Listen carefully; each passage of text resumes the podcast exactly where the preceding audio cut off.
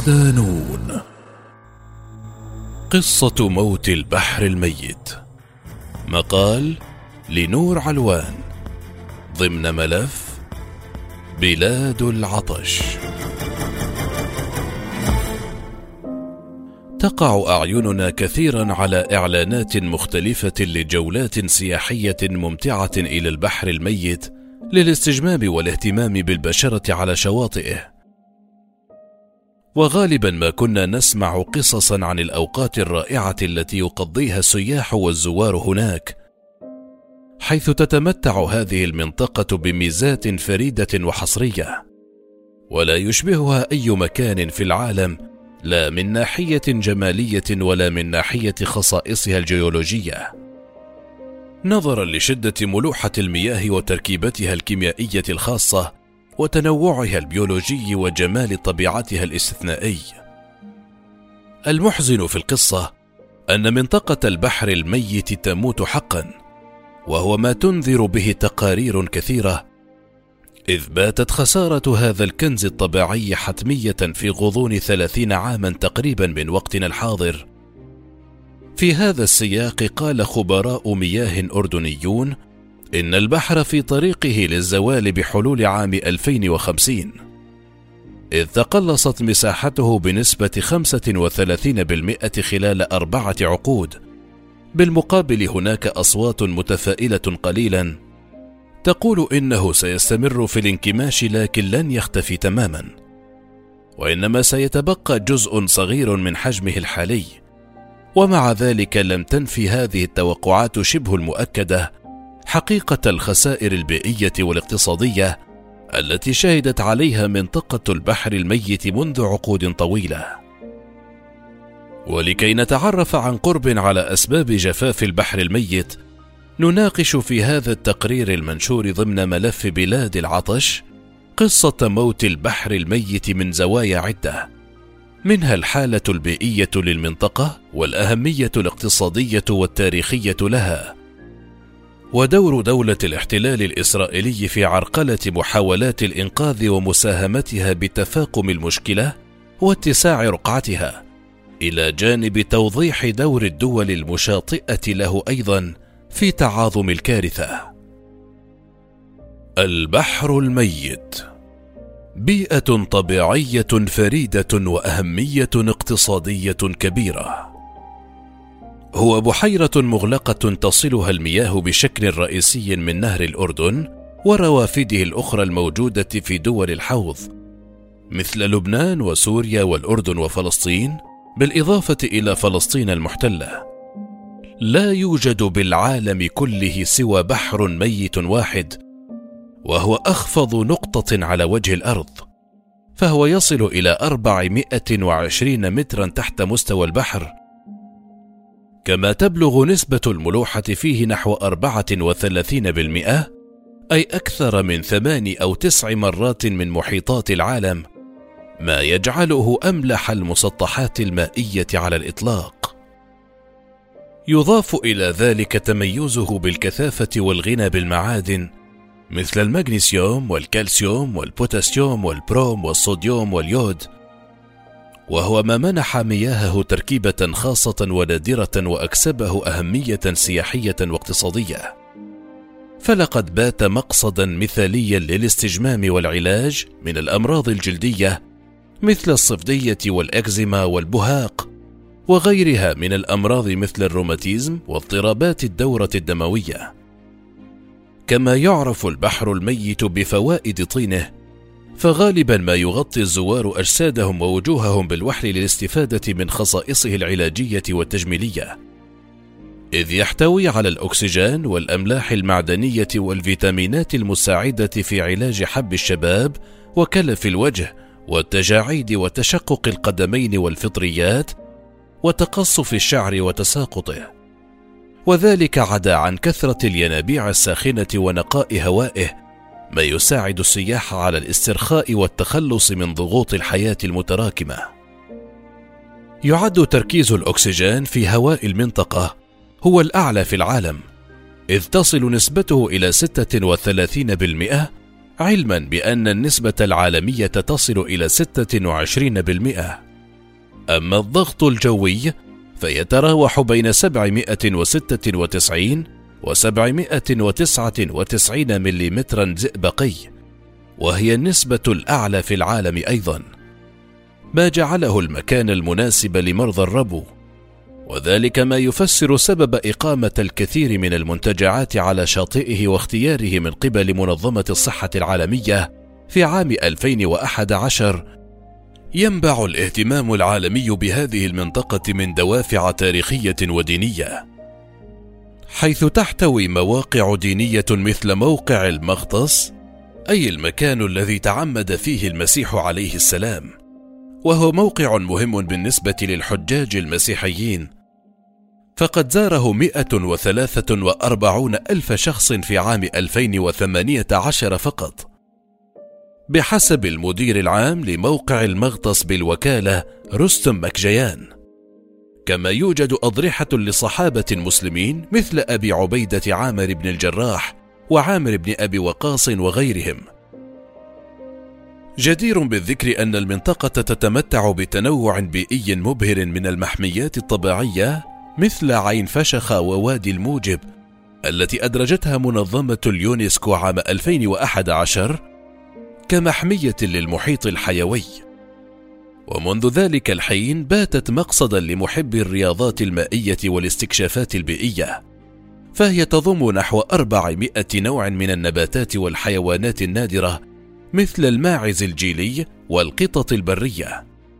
يضاف إلى ذلك الروايات التاريخية التي التصقت باسم البحر الميت مثل استخدام كليوباترا مياهه كجزء من روتينها الخاص في العناية بالبشرة والجمال، أو ارتباطه بحضارتي سدوم وعمورة وفق الرواية التوراتية أو قوم لوط كما ذكر في القرآن الكريم.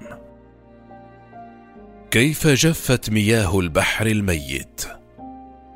بحسب الإحصاءات الرسمية فإن منسوب مياه البحر ينخفض بمعدل متر ونصف سنويا إذ يخسر البحر الميت 800 مليون متر مكعب من مياهه سنويا مما أدى إلى انخفاضه إلى 34 مترا دون مستوى سطح البحر. بدأ هذا الانحسار منذ السبعينيات بسبب عوامل بشرية وطبيعية مثل شح الأمطار وتغير المناخ الذي قلب النظام البيئي وأخرجه عن وضعه الطبيعي.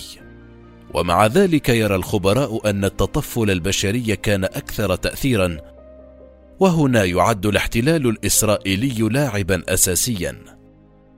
تسبب تحويل إسرائيل مياه نهر الأردن إلى صحراء النقب في الجنوب عام 1964 بتقليل موارد البحر المائية التي تصب في البحر الميت.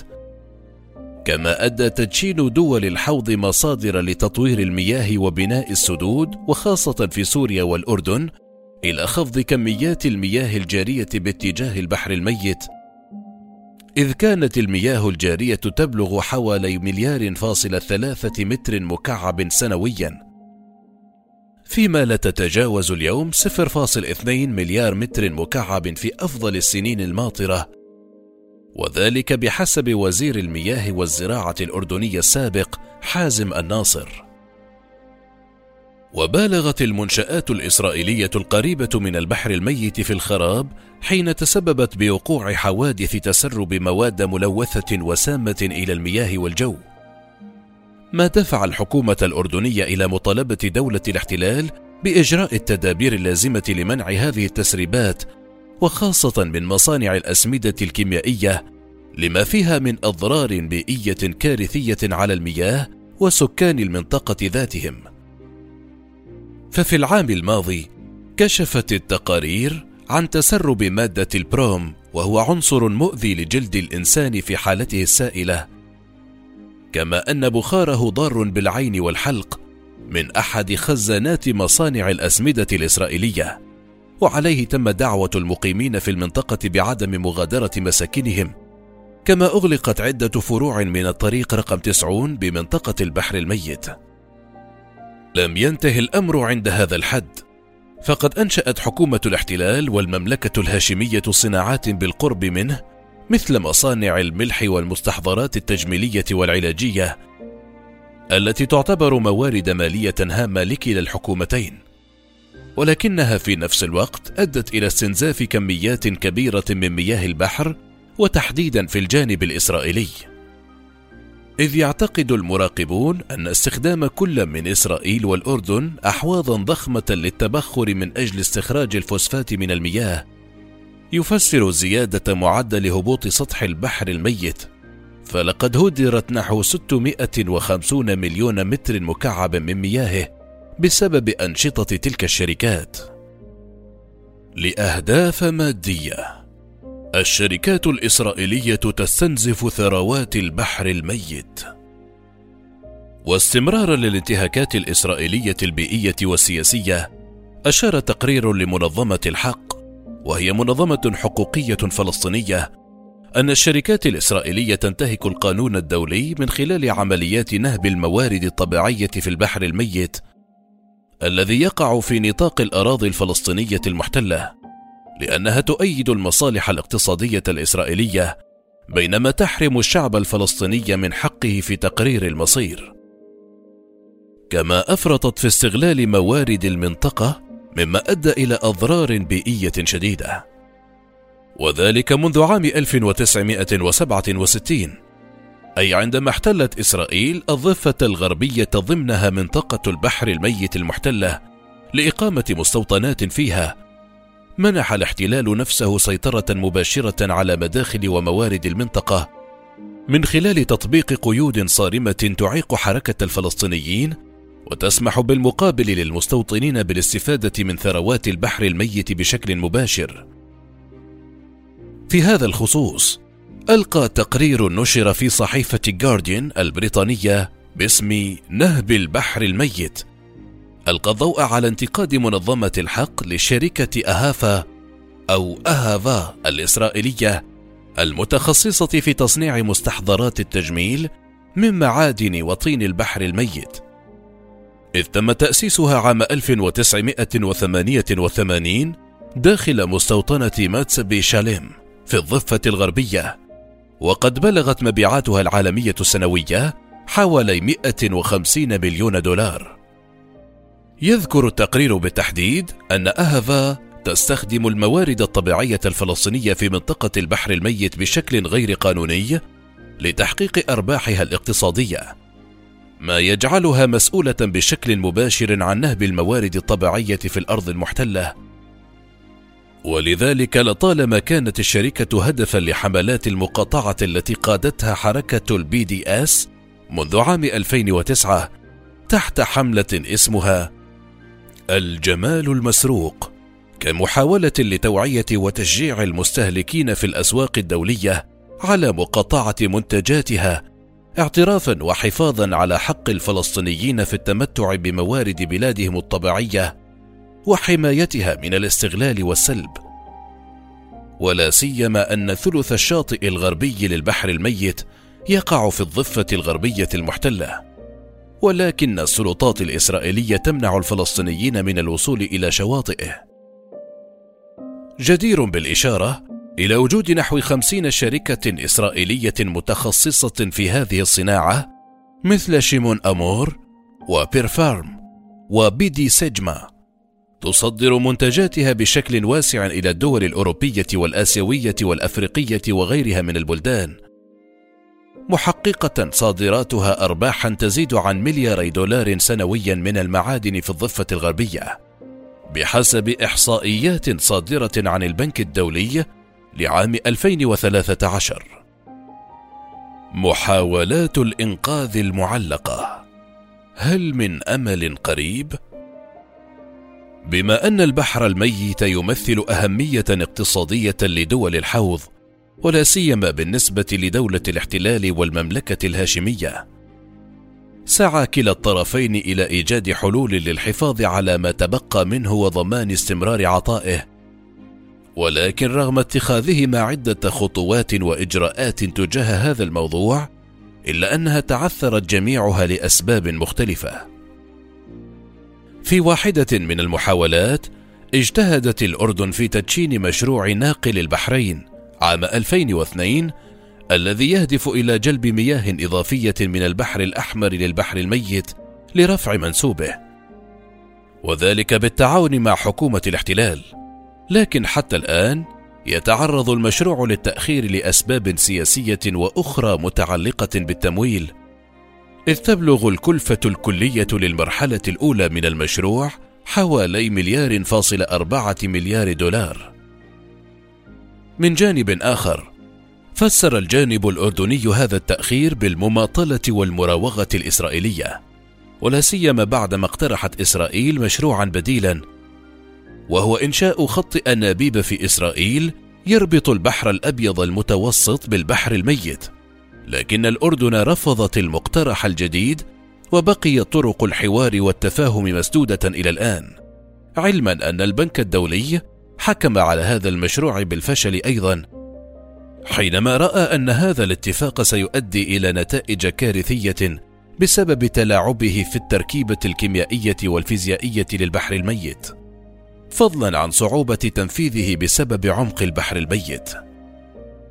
وبطبيعة الحال فإن تزايد عدد السكان في المنطقة وارتفاع معدلات الطلب والاستهلاك على المياه قد يلخص لنا بشكل موجز مدى صعوبة التوصل إلى اتفاقيات وحلول في واحدة من أكثر مناطق العالم تشابكا وتنافسا على موارد الطبيعة. المشهد الحالي للبحر الميت ماذا تبقى منه؟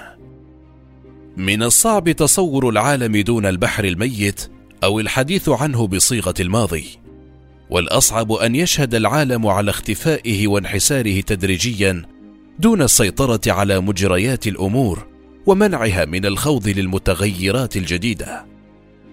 ولا سيما أن الصورة الحالية تختلف كليا عما كنا نعرفه أو نسمع عنه أو نراه. فلم تعد المطاعم والمنتجعات والأنشطة التجارية تعج السواحل كما كانت بالسابق. في السنوات الخمسة عشر الماضية ظهر أكثر من ستة آلاف وخمسمائة حفرة عميقة. فمع انحسار المياه. يخلف البحر وراءه رواسب مالحة. تنخر هذه الرواسب الملحية تحت الأرض. مما يخلق تجاويف وحفر في الأرض. قابلة للانهيار والتشقق والاتحاد مع فتحات أخرى. لتكون حفرة عملاقة كبيرة. قد يبلغ اتساع بعض الحفر إلى نحو مئة متر مع عمق خمسين مترا.